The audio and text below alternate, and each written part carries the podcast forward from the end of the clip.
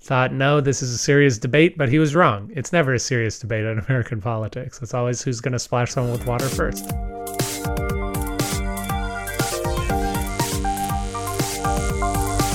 Well, I'm not a crook.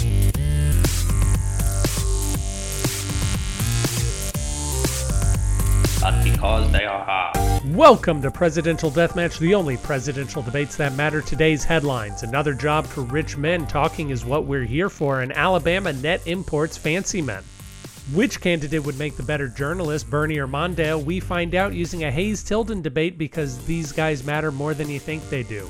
All that and more on today's Presidential Deathmatch.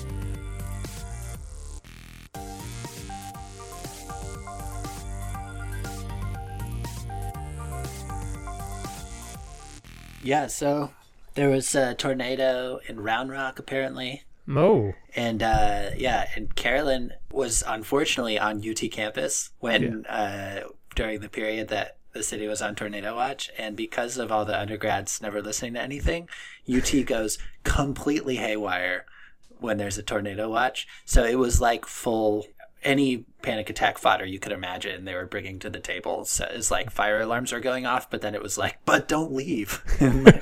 Get down. Tornado watch get in the basement. And just over and over and over and over. Uh, I was about to ask if you remembered Hurricane Rita, uh, but of course you don't remember Hurricane Rita because you were not in Houston at the time. Uh, but don't Hurricane. tell my coworkers but yeah I was Oh, was would they would they judge you? I whenever people at my because it's a Texas Oh yeah, yeah. magazine whenever people ask where I'm from I say well I moved here from Houston You clever bastard. and then if they dig more I say I say uh, I grew up in corn and dairy country And then you say, I love Sam Houston and Stephen F. Austin with all of my heart.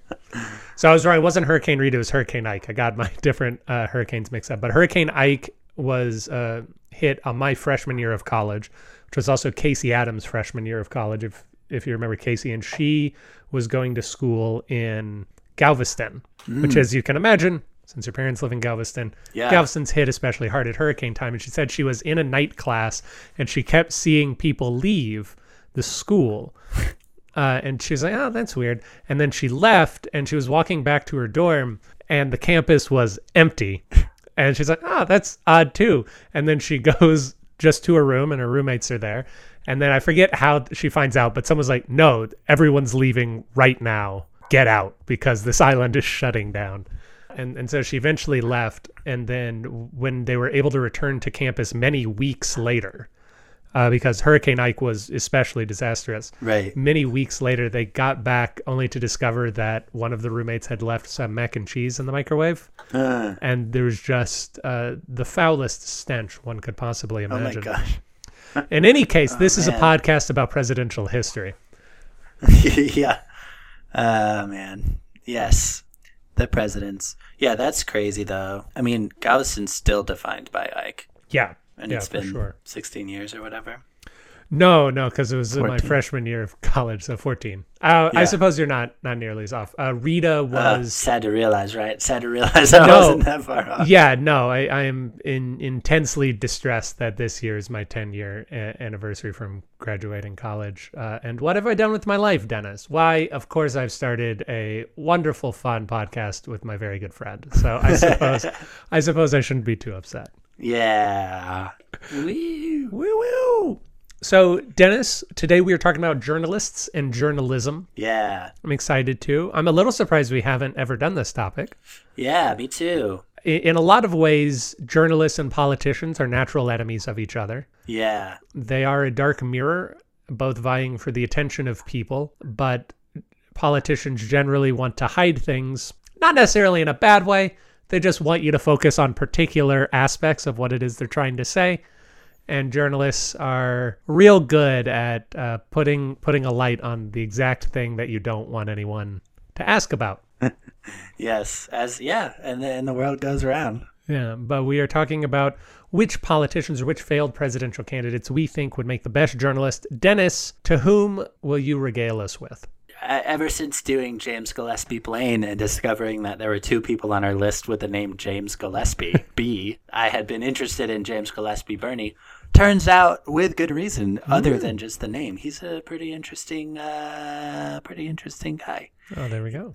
Um, he was born in 1792, so we're talking kind of OG America. hmm hmm Um, very Irish, and a lot, and uh, a lot of his family was Irish, and they lived in like immigrated from Ireland when he was a kid. A lot of his extended family, and they lived in Kentucky. Oh, interesting, because Kentucky would have been a very new state at that time, so that's sort of the frontier of America. They had it's interesting because really his whole life is defined at, at, um, at least you know the the way the media portrays it, or the pedia, I should say. Yeah.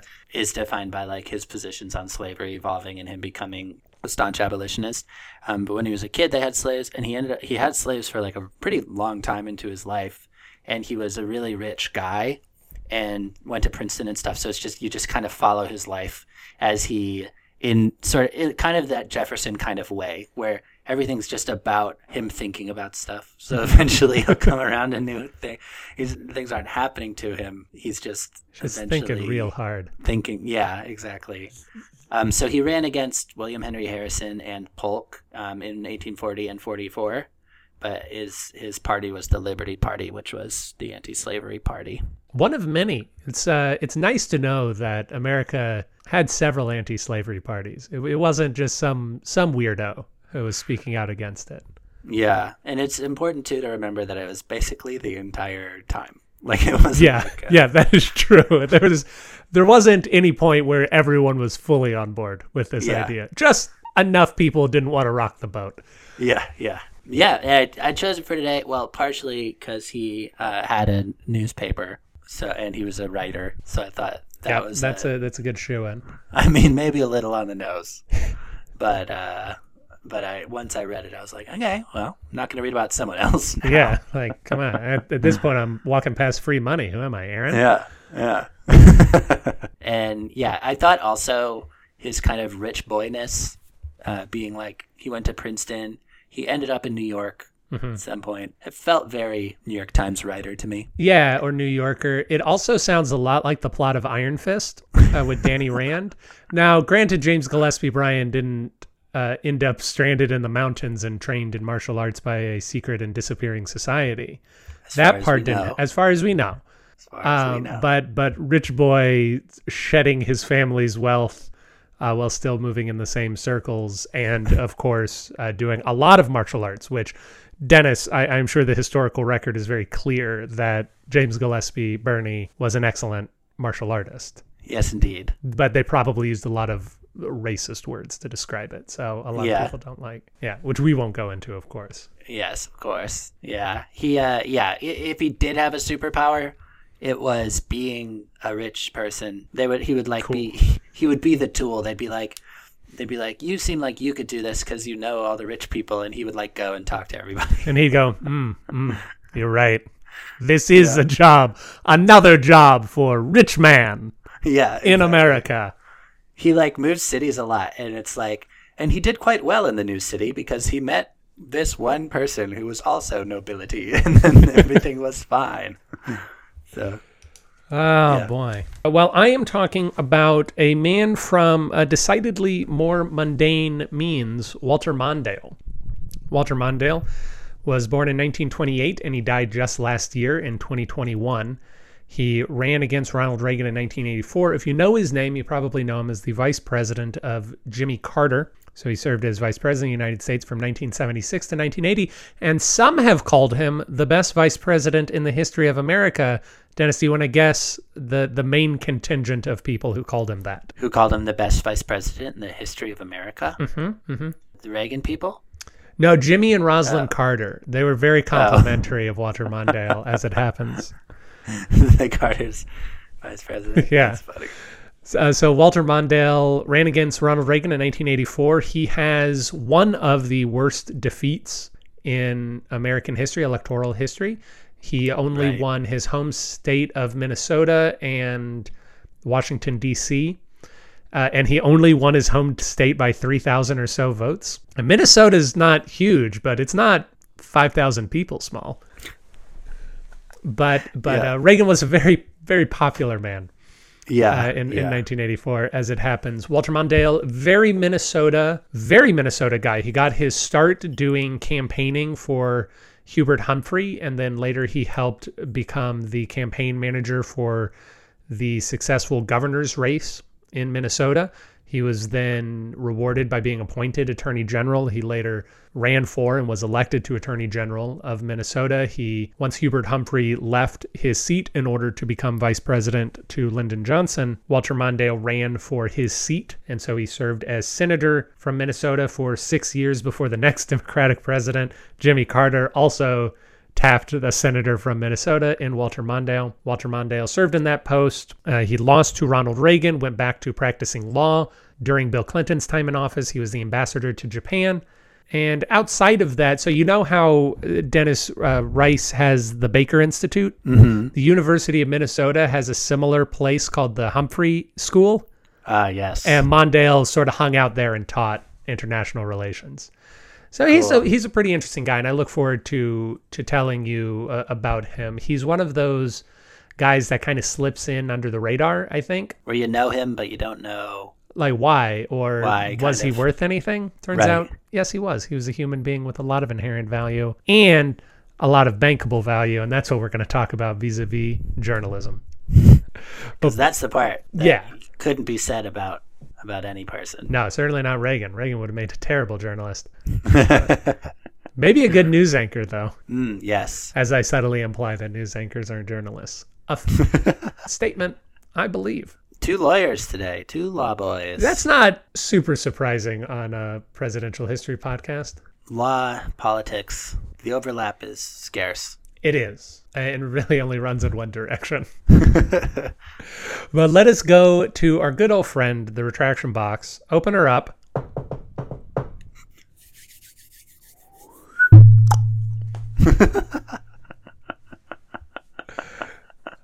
Uh, so, Dennis, for once, we actually have a legitimate retraction to do. and I am going to fight it tooth and nail. The man whom I so generously thanked at the end of last episode. And if it's not clear, my tone is farcical right now. I don't really feel the emotions that I am putting into my performance. I don't know. But at the end of last week's episode, I thank Jason Jonathan Rivas for his support of this fine program.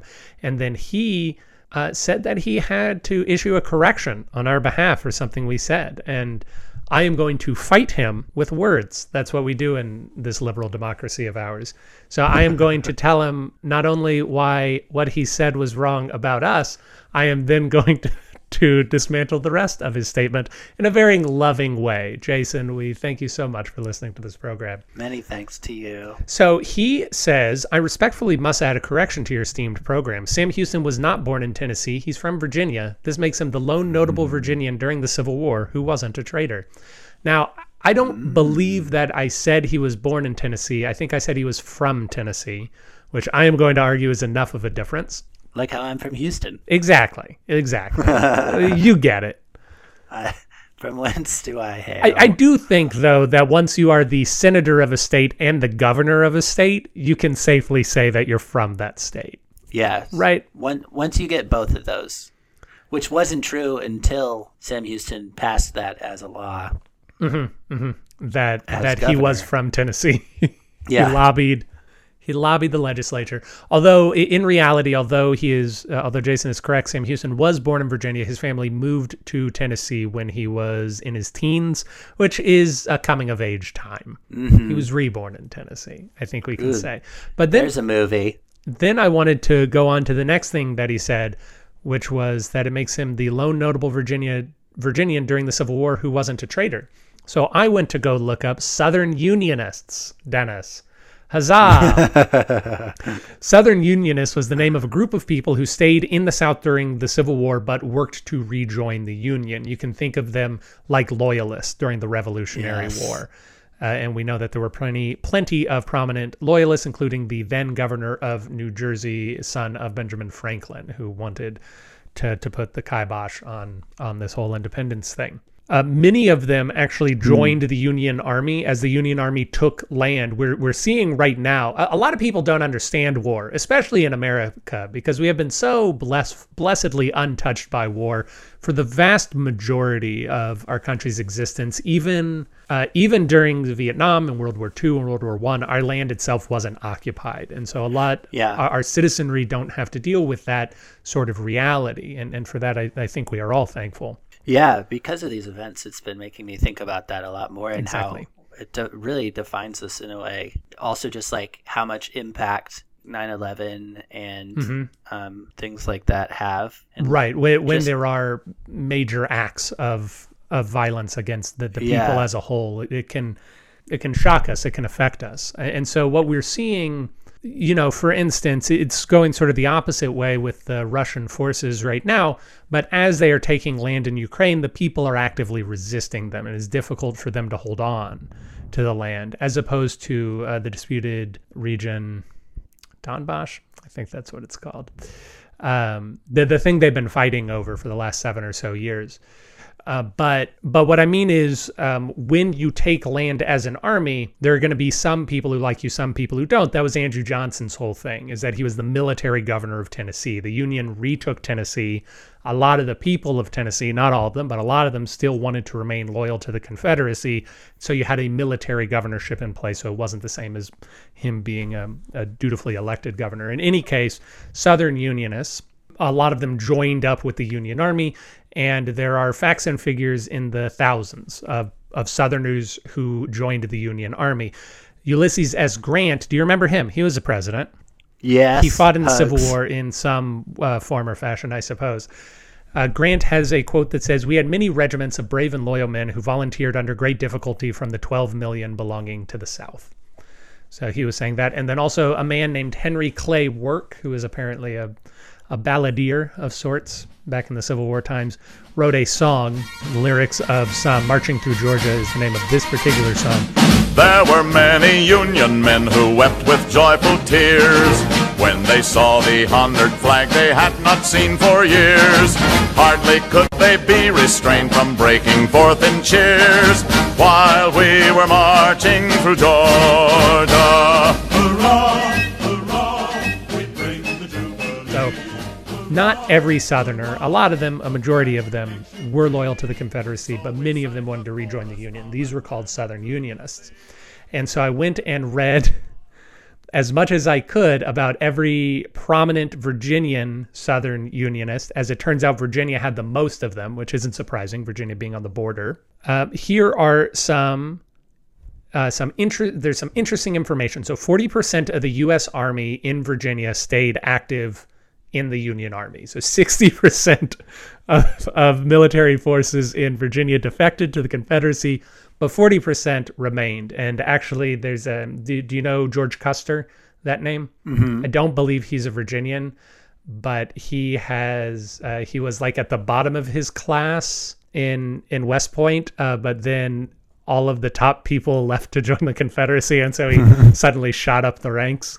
Um, Wow, that's wild. but a few notable Virginian Southern Unionists, Jason and Dennis. Winfield Scott, a man who I have spoke about on this program. He was a Virginian and was in fact the commander of the U.S. forces and architect of the Anaconda Plan, which helped uh, ultimately to de destroy the Confederacy. A woman named Elizabeth Van Lew, she operated a spy ring. She was a very wealthy woman. Uh, a lot of the things you were saying about Birney reminded me of Elizabeth Van Lew. Uh, but she operated a spy ring which passed information onto Union forces, and she was the first person to raise the flag in Richmond when the Union retook the city, which is really neat. There's actually a very sad quote from her uh, after the Civil War ends. Uh, she has a quote that she wrote in her diary that says, "No one will associate with us anymore because we were friendly with the Union during the war, and they're all very upset. And so no one will." She says, "No one will walk the street, and no one will have lunch, and no one will come over." Whoa. George Henry Thomas, who was one of the top three Union generals, uh, he he didn't promote himself quite as well as either Sherman or Grant, uh, so he isn't as as well known. But he had the nickname the Rock of Chickamauga, which I think is pretty cool. And that we all know. We do know the Rock of Chickamauga from that famous song. Dennis, how does that song go? he was a rock. Bonk. Uh, of course, there were so many Southern Unionists in Virginia that they broke off and formed their own state, West Virginia, specifically so they could stay in the Union. Among them, uh, John Davis, uh, father of another John Davis, Arthur Boreman, who would become the first governor of West Virginia, and Kellian Whaley, who helped form the West Virginia militia uh, that fought against the Confederacy. And finally, this really cool named dude named Philip St. George Cooke, who was another prominent general in the Civil War, and he was known as the father of the U.S. Cavalry for writing the first book on cavalry in the U.S. He's the guy who wrote the manual for cavalry in the U.S. He also remained with the Union. And the first sentence of the book was, I am the father of the US U.S. Cavalry. Cavalry. Hello, I'm Philip me St. George Cooke. And, And this is the official book. this is the visual book. Nobody else write one. I'd forgotten that about West Virginia being being a product of that. Mm-hmm. there are a lot of people, so it's probably right to say that West Virginia, the area that is now West Virginia, was kind of trying to distinguish itself from Virginia for a very long time for cultural and geographic regions. It was separated from the rest of the state, and the Civil Right. War was the the cleaving factor that made them split off. So it wasn't it wasn't necessarily a burning passion for the union that caused West Virginia to split off, but that was that's what ignited it. Right. Yeah. Makes sense. I suppose what Jason maybe kind of like what he meant was like that he was like the only he was a he was a Virginian who wasn't a Virginian just in time kind of so that he wasn't like part of the community that seceded. Well, but he was in Texas. Sam Houston was in Texas at the time, which also seceded. Yeah. Uh, yeah, poor guy. Sam Houston, he's a cool dude. Dennis, do you have anything to tell us about Eugene Victor Debs? Well, I neglected to mention last week uh, that Eugene. Actually, two things I neglected to mention. One of them, which was silly of me, was that he got his first job when he was like 12 or something. So he was a late starter for that time. a bit of a layabout. He he was he was uh he was work and it was like funny too because it was like he was working on the railroad. That's where that song comes from. Yeah, because he yeah he was that's why he was so popular is because he would come up with all the good tunes for Yeah, I we didn't say, uh, but Eugene Debs wrote "The Rock of Chickamauga." Yes, It was Chickamauga when, eh, since his speech still hadn't fully developed, that's just what he called trains when he first started there. Yep. Despite us talking about people who are hungry and get jobs and stuff, I neglected to bring up that he couldn't get into the workforce soon enough. And then he really liked the train people, so even when he moved on in life, he like would always go back and go to the bar that all the train people went to. cool guy. Yeah, cool guy. That's basically why he got so into unions and stuff. Yeah. Because he'd go to the bar and they'd be like, well, you know, this government's not going to take care of us. I don't think I- I don't know for a fact because I have known a couple of very assholish socialists, let's say, uh, plenty, quite frankly. But I, I don't think you get into socialism because you dislike people. I think I think that's that's sort of part of it. Yeah. You're like, everyone should have as much as me, even if that means I should have less. Because I hate people. Another, I was gonna say I I went up because Eugene Eugene Debs is one of the big boys this season. He's one of the guys that I think a lot of people know but don't know a lot about. So I was going around to see if I could find anything to add to what you had already said. Uh, and and the answer was largely no. But in my fruitless quest to learn more than the excellent information you gave last week, it it took me to the Jacobin and a profile that the Jacobin did on Eugene Debs. And I don't usually go to the Jacobin for calm, well reasoned journalism. Uh, I dare say they're incapable of it. But they they had an interesting profile of of Eugene Debs that was probably like 40% Eugene Debs, 60% stuff the Jacobin does on the regular basis. Similar to Virginia, Yeah, circa 1860. for sure. But the question, Dennis, how did Eugene Debs run the first modern campaign? Genie Boy. Um, well, one way is that he ran too many times. Nice. Just kept going for it and uh, continuing to be the face of a weird third party that has that just wants to, you know, get their thing out there. I feel like that. I mean, maybe he didn't invent that, but he did, he certainly redefined that, and that's very much a part of the whole fabric to this day. Yeah, that's a good thought. Uh, I I spoke about Mitt Romney last week, and I think this just got cut out. I, I believe we picked up the episode about ten seconds after I said what I'm about to say, so people didn't hear it. Mm-hmm. But if Mitt Romney ran for president in 2000, or really any time between before 2004, I think he might have been my favorite presidential candidate of all time. As it happens, he started getting real socially conservative real fast in 2005, which is weird because that was about the time that he started trying to run for the Republican nomination for president.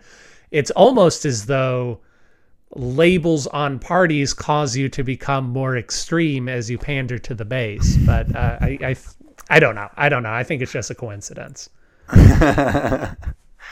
Yeah, that's brutal. Uh, so Mitt Romney is actually a very interesting case of a man who I think has been changed by his party association. Prior to his running for Senate in 1992, or for senator in, in 1992, he was an independent. He was a political independent and he would donate to a lot of people in Massachusetts and he did whatever. And he seems to have run as a Republican primarily because the guy he was running against was a Democrat. It's not as though he really came around to Republican values. It was just, well, Ted Kennedy is the Democrat. I want to beat Ted Kennedy, so I guess I got to be a Republican. And he stuck with it. Now, granted, his father was uh, a Republican. He was- his father was a governor. I don't know if I mentioned that last week, but his father was a governor, and his mother ran for Senate in Michigan. Uh, but uh, I think what we see is that as Mitt Romney's political ambitions grew larger, that his need to tie himself to certain political positions uh, be it, he, needed to do it more and more and more. And that's I, I think another thing that makes Mitt Romney so interesting right now is because he mostly has a safe seat in Utah. We'll see in, in what four years because there's currently I believe the Utah Attorney General is going to try and run against him. But Utah's never going to elect a, a Democrat unless something weird happens. And so Mitt Romney seems Yeah. to be kind of just settling back into himself, which is kind of fun to see. You think he'll kind of get more moderate if he, as he starts to get more comfortable with that being? Well, he's arguably very moderate right now. Uh, he he is certainly one of the like the the House Right. of Representatives has this thing called the Problem Solvers Caucus, which are sort of the most centrist members of both parties, and they're like, let's just try to do our jobs, guys. And the Senate doesn't have something like that. They don't have the Problem Solvers Caucus, but you do have uh, you do you do have Romney and Murkowski, Collins, and Manchin, who generally represent the center. Sinema's kind of there, but Senata Sena's uh, Sinema's her own funny, funny little imp, puck, puck-like creature from Midsummer Night's Dream, and I love her. Ah, do do I love her? But he's already very, uh, very centrist. Uh, he he votes with Joe Biden about sixty percent of the time, and he voted with Trump. Uh, I think fifty-eight percent of the time. It, it's it's about the same figure. But uh, oh, and, and also I didn't at all talk about Bain uh, last last week. Dennis, do you know what Bain is? You should always talk about Bain. Exactly. Thank you. I knew I knew what you would do. Bain was one of the first companies that Mitt Romney worked for. He was a it's a consulting company, and then he later founded Bain Capital, which is where he made uh, massive amounts of money. So good for you, Right. Willard. uh, and finally, Yes. Dennis, how did Mitt Romney run the first modern campaign? I think Mitt Romney not only ran the first modern campaign, I think he may have run the first futurist campaign.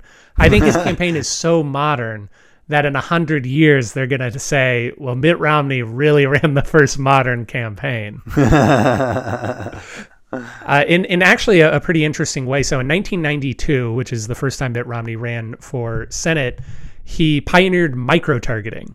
Which is something that's become very big ever since 2008 in Cambridge Analytica. The idea that you are going to really zoom in on the voters, know exactly what they are, and speak specifically to their issues. Mitt Romney's campaign began to do that in 1992, not with the internet, obviously, but with uh, circulars primarily. He, he targeted parts of the state of Massachusetts. Uh, but then when he ran in 2012, they had this thing called the Orca program, which sounds like a nightmare to me and I don't remember ever having heard of it uh, 10 years ago when I was graduating college. Uh, but the ORCA program was apparently something that would take exit poll information in real time on election day. And they would say, it would look at the data and then it would spit out and say, hey, not enough Republicans are going to vote in this area. For some reason, mm. they're not energized. So that he could pour in money on election day to those specific counties and districts and parts of the state in order to get Republicans to go out before the polls closed, which is uh, bizarre. Yeah, it's it's wild. That's pretty. It's pretty smart stuff, though. That is true. Dennis, before we close up the retraction box for today, I have a secret question for you. Uh, I trust that you did not look at the secret question beforehand. No, I did not. All right. So this past weekend, Don Young died. Don't know if you saw that news. Don Young. No. A man named Don Young died. And I want to know who is Don Young and why was he brought up on Presidential Deathmatch before? Oh, he came up before? He did. He is. Uh, we have mentioned him on the podcast before, and he died over the weekend. So why did we bring him up, and who is he? Man, I always get in my head that I remember everything all the time. and it's just not true. I forget things really quickly. but luckily, Don Young isn't one of those things. And right, if I told you, Dennis, say right now, who is Don Young, you would say he's uh, on the cabinet or was until very recently. Mm, mm. Interesting answer. No, but not far off. He was a member of the House of Representatives. Okay. In fact, I will tell you, he is the representative from Alaska. He's the man who has okay. represented Alaska for the last uh, bit of time. So with that information, now, when did he come up on the podcast before? Why did we mention him? Ooh, he's in the House of Representatives. Well, not anymore. He's dead. Oh, right, right, right. But that is what he was doing. Yes, that is what he was doing. Was it like um, longest running, longest sitting reps or something like that? Uh, that is true. He is the longest serving representative can you put a pin on like if you had to say he's been serving since when? He's been serving since Reagan. Even longer. He is the last oh still gosh. serving member of the Nixon administration. Oh, I remember that. Yeah, not the last. Like it were yesterday. I remember that. uh, he he's the last or was the last still serving member of the U.S. government during Nixon's administration, or continually serving, I should say, because Joe Biden was also around during Nixon's administration. he's still serving in the government, but he had a little bit of a break there. Biden was like, "Look at this kid. Yeah, we should call him Donnie Young," and it really stuck.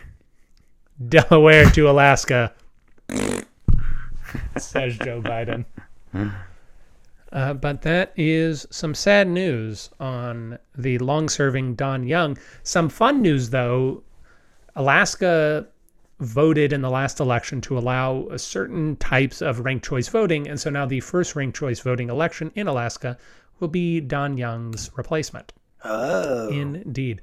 Well, I think that's all we have time for in retractions. As always, Presidential Deathmatch regrets the error.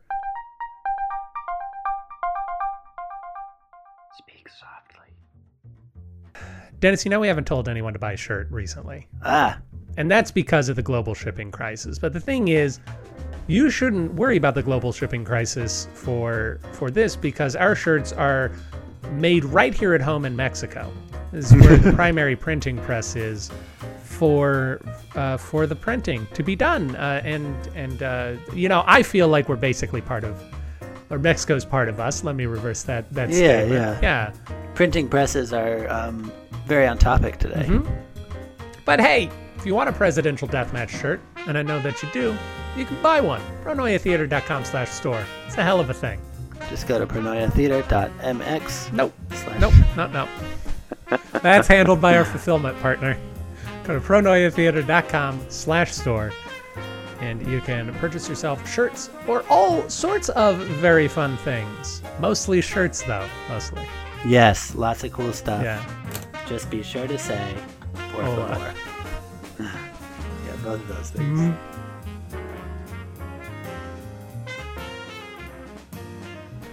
So, Dennis, where shall we begin our discussion of journalists and journalism? Well, one thing that I didn't mention about JGB before, um, that I thought was thinking about, I wasn't sure if it quite connected, but I think it does, is is that this changing that he did through his life does feel kind of like something that I think would be a good quality in a journalist because if you want to be always talking about where the conversation is, then you can't settle into it. You have to be like ready to change your position as you go. And so not only was he always on this one thing, which is I think a good quality for a journalist to always be kind of like writing about the topic they write about, but also um, he like started in this place of like when he was first a representative in Kentucky, they voted to um, to be able to um, arrest people who were escaped slaves and bring them back to the South. Uh, the Fugitive Slave Act. Yeah, the fugitive slave. And he said he was super against it. And so at first it didn't go through, and then it went through again later. And he was like, "Oh, that's so like mean, kind of." Because it was kind of. So he was Guys. like, "I'm." Guys, Yeah, come on. come on. Guys. It doesn't seem. And then he's like, "You know what, Kentucky? I just can't do Kentucky anymore. I'm gonna go somewhere where I can be." Gotta go somewhere where Uh, the people are real. Yeah. So so he went to Alabama. Yeah. Which I did not see coming. Nice.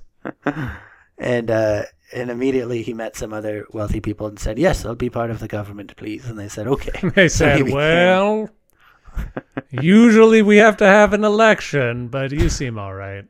yeah. And from and then he kind of went the next step, and he got really involved with the American Colonization Society, which was the James Madison thing, where they thought that they should end slavery and then take all To Liberia. black people to Liberia. For, for Um, people who don't like slavery but are still very racist. yeah. So this is this is where I was impressed. He was really involved with them, and then they were like, you know what? It's time to start figuring out how to implement this. Why don't you do some field research? He was like, great. So he went to he went back. uh, He might have not been in Alabama anymore at that point. He went back to the South, and he got on the ground and he just asked people what they thought, and everyone was like, no, that's a terrible idea. You know, like. You know, my grandparents were here, all that, you know, that kind of stuff. Crazy. And he was like, um. So then he became super against the American Colonization Society. And he wrote all this um, stuff about how it was terrible, which is a surprising move, too, because it was all of his friends. But Yeah. that's when he started to get more into abolition. I've seen his portrait and it's incredibly smug. So he seems like the sort of guy who's just that's his thing. I'm trying Yeah. to think if we had someone like that at Rice that we both know. I know a guy right now named Nick Brownrigg who's like that, where his thing is that he's a bit of a dick. Yeah. Um, and, and just such a fancy man. He, he was like into horses. Naturally. he got he went he went broke. He was a really successful lawyer, but he went broke at one point in his life because of all the horse gambling he was doing. And then he was like, "All right, it's time for me to get my act together." And so he moved and met another lawyer and was like, "I should be a successful lawyer with you." And the man was like, "Okay." And he said, "My gosh, you should be." yeah. And then he was like the richest lawyer in all of Alabama or something. I might need to Um, just write an episode of God Kings about James Gillespie Birney because he said he ran against William Henry Harrison, so there's just natural rivalry right there. Bernie is also alive in the future. Anyway, Yes. Oh. this is idle speculation. the biggest uh not to just keep talking about him but the, No, the smug dick thing yeah the biggest dick move he did and also an example of him changing position on things he was friends with henry clay for his whole life his first thing he ever did in politics was work on henry clay's campaign and then they had a falling out at some point probably because he became a staunch abolitionist or something along those lines Something worth being upset about. Yeah, and um, so then when Henry Clay ran against William, or no, against Polk, um, it was the two of them, and he decides to run, and he got fifteen thousand of Henry Clay's votes. Yeah. and Henry Clay lost by five thousand votes. It's just to think that this was someone he'd known, like, and been in rooms with for twenty years. Yeah, and he's like, "Hey, man, I usually listen. If uh, if he got those votes, they were never Henry Clay's. That's what I'm. That's my current position on that. yeah, I think, yeah, maybe so. Well, I think one of the. I think you bring up a, a great point. Journalism requires, uh, if not necessarily the changing one's opinion, then certainly the ability to listen to a lot of arguments and to be able to express them. I think another underrated skill of journalists is the ability to be disliked. Because, uh, for instance, our friend Andrew can't stand being disliked, right? If if he had the faintest inkling that anybody was e even mildly upset with him, it would drive him insane. But journalists need to uh, not only be comfortable with being disliked, but almost welcome it into them. Just please, please get angry at me. It fuels my passions. And Walter Mondale had this quote, which is so great, but also so like it just demonstrates the difference between Reagan's irritating charisma and Mondale's uh, uh, bureaucratic sense. At the national convention, this is the moment of biggest success for Walter Mondale. Everyone has just crowned him Democratic contender, and this is supposed to be when the balloons are dropping and everyone is screaming for him. He says, Mr. Reagan will raise taxes, and so will I. He won't tell you. I just did.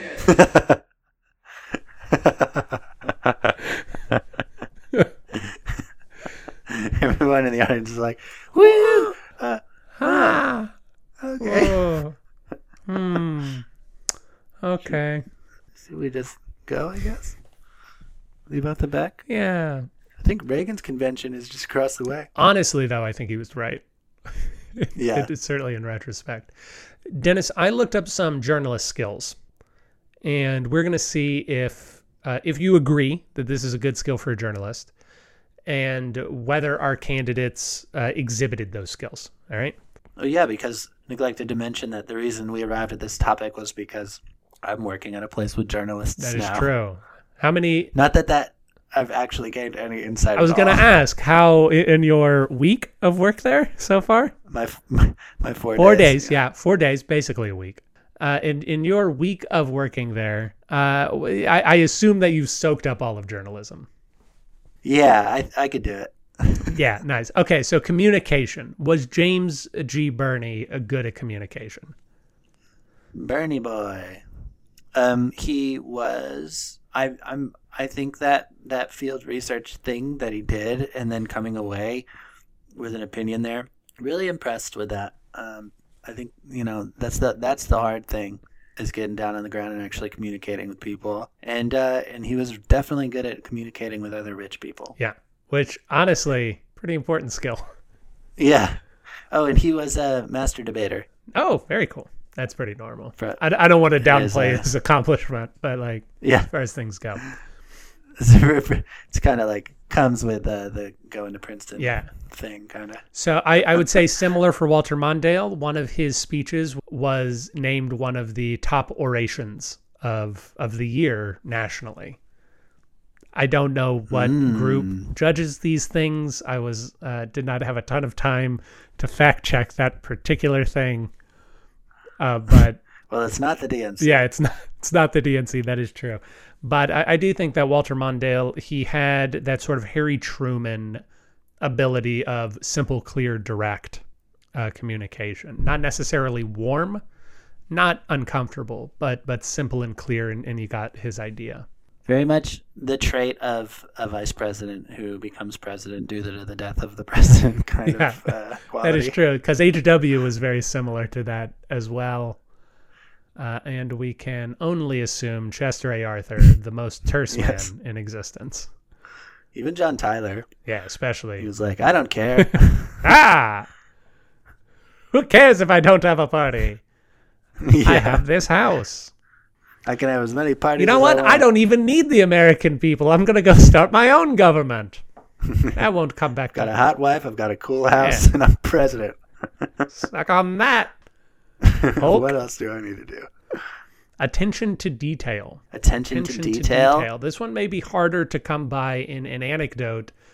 Uh, I say because I am unable to tie Walter Mondale's attention to detail in an anecdote. Uh, but I, I assume he was. He was on a lot of investigative reporting for the Senate, and we're going to dig into some of that investigative reporting in in a few of these later later things.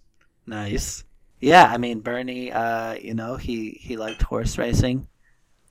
You got to know the stats. Although he stats didn't you say he lost a lot of money on it? Yeah. Uh, but you know, it's a gamble.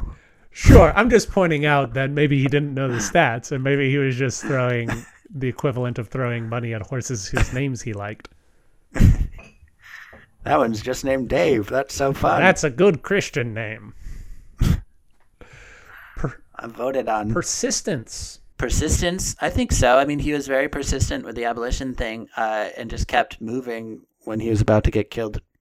When he started, when uh, like in the Kentucky, he was like, "I should get out of here." And then when he started the, um, he actually went back to where he grew up, Kentucky, and was like, "I'm going to start a paper, an abolitionist paper."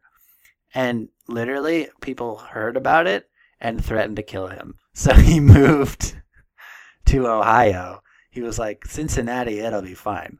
So he starts this paper in Ohio, and it literally caused the riots of 1836 in Ohio.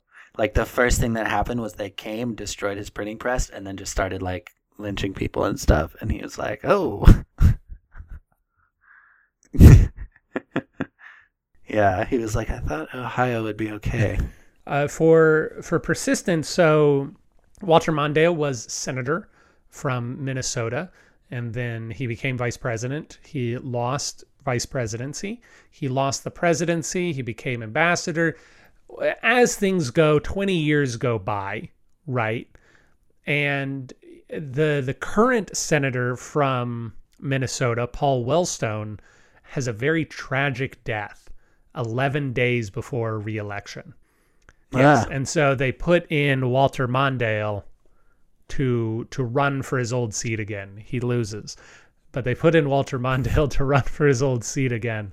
And I think that shows persistence, really. Uh, Yes. he he did not uh, he lost the last three races of his political career in stunning and surprising fashion, but he didn't let it get him down. yeah. That's persistence.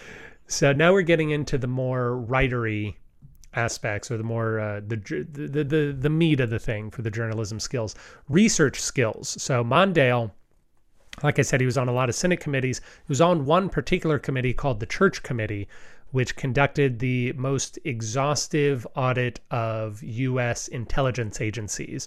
And uh, I've I've sprinkled the information throughout all of these, so we'll learn a little bit about it. But let's just say uh, it took a lot of a lot of dogged research to figure out what is going on at the NSA. Yes. One would assume. So, Mr. Birney, what were his research skills like? Um, well, aside what, from what I mentioned uh, earlier, with him uh, being a good field researcher and uh, stuff, he he studied uh, logic and philosophy and moral philosophy when he was in college. So probably took probably mostly thinking, but certainly some reading.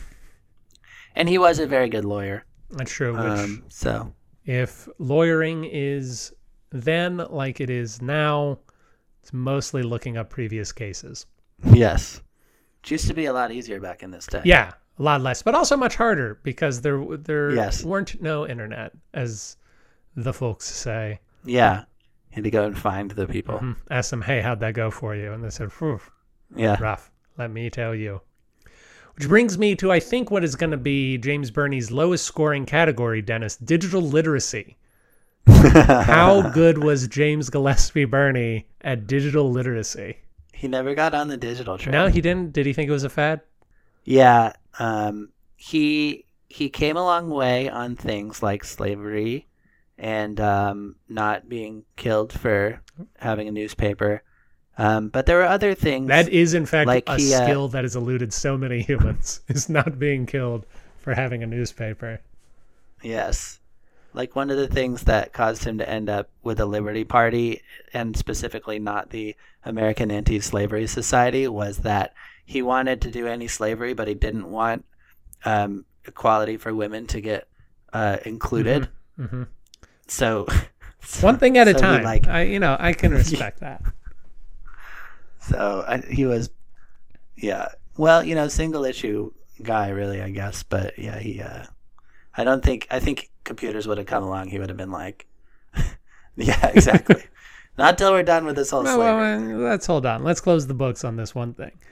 Mondale, it may surprise you to know, Dennis, one of his final acts on this earth was sending an email to his staff. And I asked, can we really expect anything more from a man born in the 20s?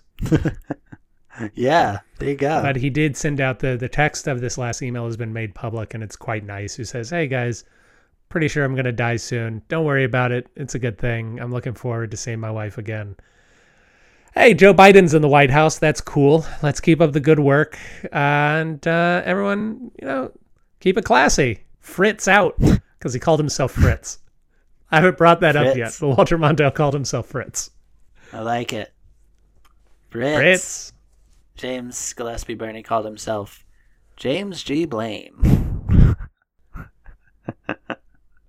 logical reason and objectivity i do think you've touched on this for for birney a little bit the objectivity Yes. portion of it uh, but do you have anything else you'd want to add I don't think I feel yeah, I think uh yeah, I think uh yeah, like uh yeah. Take take what has been uh said here. Oh, there's another uh research point is he uh he helped form the faculty for the University of Alabama oh by going by traveling the country and being like I'm a fancy boy. Are there any fancy boys here who would want to be professors? i love this guy yeah, and then he came back, and you know, Reggie was like, "Oh, this is so great, thank you." we have so many fancy boys now Yeah, before there was a dearth of fancy boys now it seems as Yeah. though wherever we skip there's a fancy boy yeah, real tide. yeah just uh, a full field of steven saltzmans sprouting up out of the earth Uh, I I earlier I used the tax quote. Mr. Reagan will raise taxes, and so will I. I'm the person who said it. I use that to illustrate the importance of not needing to be liked, but I also think it points to his ability to reason out a problem and then report it clearly. We're running a budget deficit. How are we going to fix that deficit? There are only two ways. There's either cut spending or raise taxes, raise revenue, which is taxes. I don't want to cut spending. It's not what I'm about as a Democrat necessarily, and I think the social services that we're offering are good. Uh, so we're going to have to raise taxes. There we go. Fritz out, he shouts. It's out.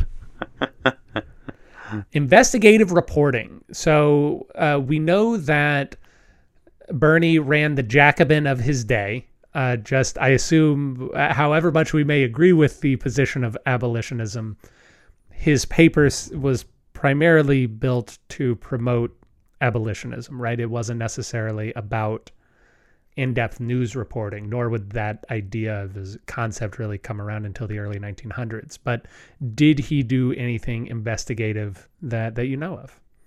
Well, I guess yeah, I guess I would refer back again to like what I was saying earlier, where he like once he actually got on the ground and and, and talked to people about the American Colonization Society, he realized that it was uh Oh, that's true. Yeah, not. And then it, with the professors, he investigated all the fancy boys across America. Exactly. I'm gonna have to jot that. That's almost certainly gonna be a headline. Uh, so I, I teased that we're going to learn a little bit about the church committee. This is where I'm going to tell you about the church committee because I just found out about it, uh, you know, in, in research for this, but it was really cool. So it's um, there's this thing called Watergate, Dennis. Have you heard of it? Yes, my fifth grade teacher made me write about it when I chose Nixon for president Nice. report. So the the main thing, one of the long lasting aspects of Watergate was a distrust in the U.S. government and its officials. So what the Church Committee was doing was doing an audit of all of the intelligence agencies, so that we knew what the intelligence agencies were doing, et cetera, et cetera, et cetera. Um, and it, it uncovered a lot of crazy things, but the biggest thing that it dis discovered is this thing called Project Shamrock, which was stylized as Shamrock, a capital S H A M, lowercase R O C K. Um, Shamrock, which sort of revealed the existence of an intelligence agency that no one in America knew existed. So in reality, there's this thing called. Uh, this is going to get a bit in the weeds. I, I tried to summarize it as much as possible. So there's a type of information warfare and information spying called SIGINT operations, which is the study of signals.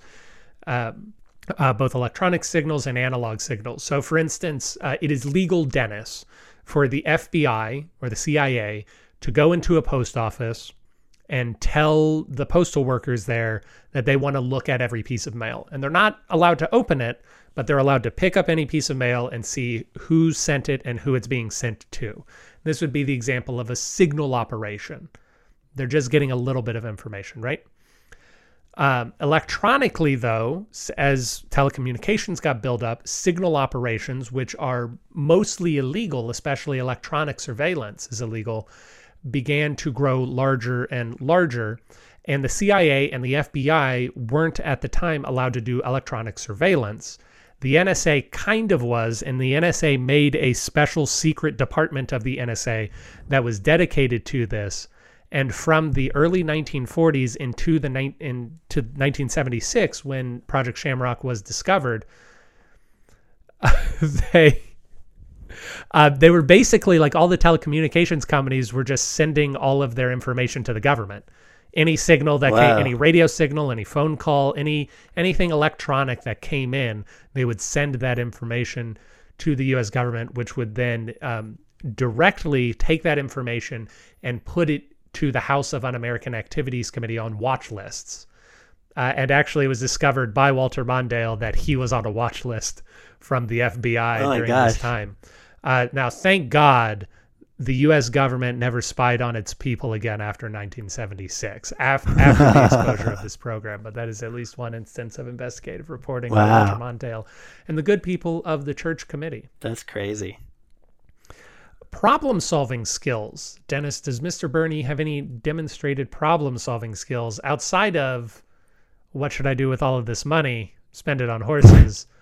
oh no, I need to talk to somebody. Let me go to a fancy boy party. Well, I pose this question to you, Yes. Aaron. Do we have any slaves today?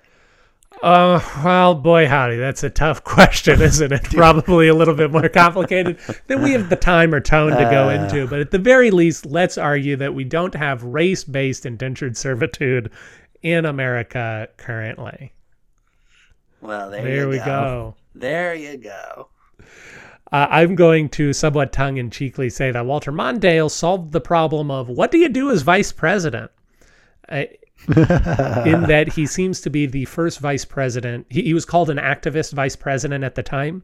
He started a crazy tradition of meeting with the president once a week to talk about things. uh, but but he seemed to be a guy who became a trusted confidant of the president, which paved the way for future vice presidents such as George H.W. Bush, Dan Quayle, Al Gore, Dick Cheney, etc. Joe Biden? Yes. Mike Pence? Not anymore. uh, but but he was, I, I think, really one of the first men to be an advisor to the president. And I'm going to couch that as a problem solving skill. Yeah, I like it.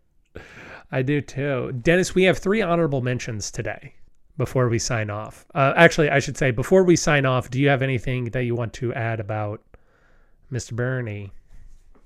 Well, I have one question for you. Guess who was knowing what you know now about JGB? Mm-hmm. Who was one of his uh, good friends by the end of his time in the world of abolition? Now the question games are turned on me, and I don't like it. There's so much information in the world.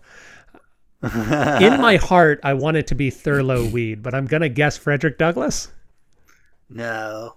Well, I yeah, I don't. At least not that I know of. Um, this man is on a T-shirt. Oh, Salmon P. Chase. yeah. Where can you get that T-shirt, Dennis? You can get that T-shirt at presidential deathmatch.mx slash Yeah. store Biblioteca. Oh, that's nice. slash slash tienda. Oh, well, that's very fun. And and his his losing streak lives on.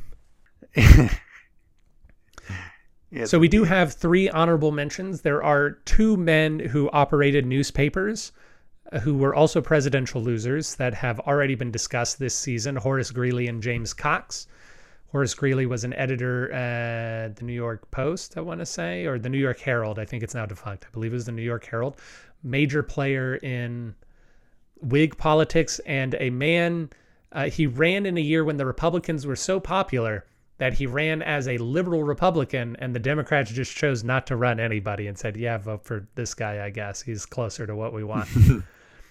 James Cox, we talked about only a few episodes back. Uh, Ohio, Yeah, that was an interesting yeah, one. Ohio governor seemed like a real cool guy. Yeah, it was the it was reporter v reporter with him and Warren yes, G. exactly. Warren Harding, who's our third honorable mention, as a president who was a newspaperman. He's a newspaper man. He's made of newspapers. Quick, splash him with water. It's just the first one to splash the other one with water. And listen, Warren Harding did it. He had the guts to splash James Cox with water. Yeah. James Cox thought, no, this is a serious debate, but he was wrong. It's never a serious debate in American politics. It's always who's going to splash someone with water first. And then it turned out he cheated by using a Harding agent. Mm, clever, clever. Was he cheating or was he just smart, in the words of our immortal president, Donald John Trump? or, was he just happy to see you? What a sentiment to go out on, Dennis. This has been a wonderful trip through history, and I can't wait to take another one with you soon. Hey, pronoiatheater.com slash store. That's all I'm going to say.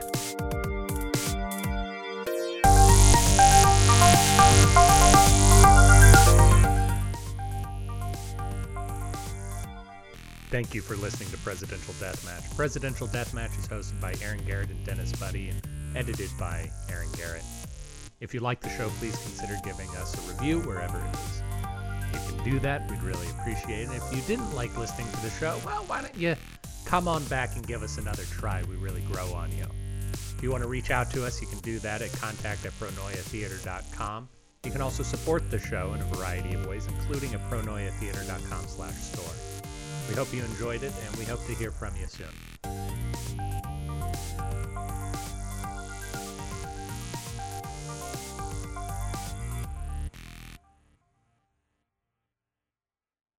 To take it back to tornadoes with a quick Mhm. button, uh, Carolyn sent me a fascinating thing about um, Austin 1922. There was two tornadoes that hit at the same time, one at the Capitol and one at the um, at like St. Edward's University, which is like South Mhm. Austin. And one was like a cat two, the other was a cat four. Nice. and they like kind of like went towards the river both and just like devastated Austin. It's crazy. I have never and hope to never see a tornado, but I've seen the beginnings of many tornadoes, and they're terrifying. they're also scary because they're invisible. Yeah. I don't like them. Official can can we say uh, presidential deathmatch state stance dislike tornadoes? Yeah. We're gonna censure Official tornadoes. stance. Vote on censure. It's a, it's a very much a thing to be frightened of natural disasters that aren't the primary natural disasters in your area. Yeah. I feel like. Yeah, that's true. Like fire. yeah. Very much so. If this administration has a plan for a better future, they're keeping a secret. Here's the truth about the future. We are living on borrowed money and borrowed time. These deficits hike interest rates, clobber exports, stunt investment, kill jobs, undermine growth, cheat our kids, and shrink our future. Whoever is inaugurated in January, the American people will have to pay Mr. Reagan's bills. The budget will be squeezed.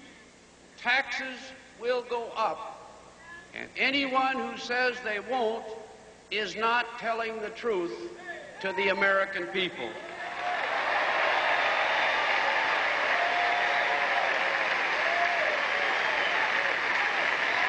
I mean, I mean business. By the end of my first term, I will reduce the Reagan budget deficit by two thirds. Let's tell the truth. That must be done. It must be done. Mr. Reagan will raise taxes, and so will I. He won't tell you. I just did.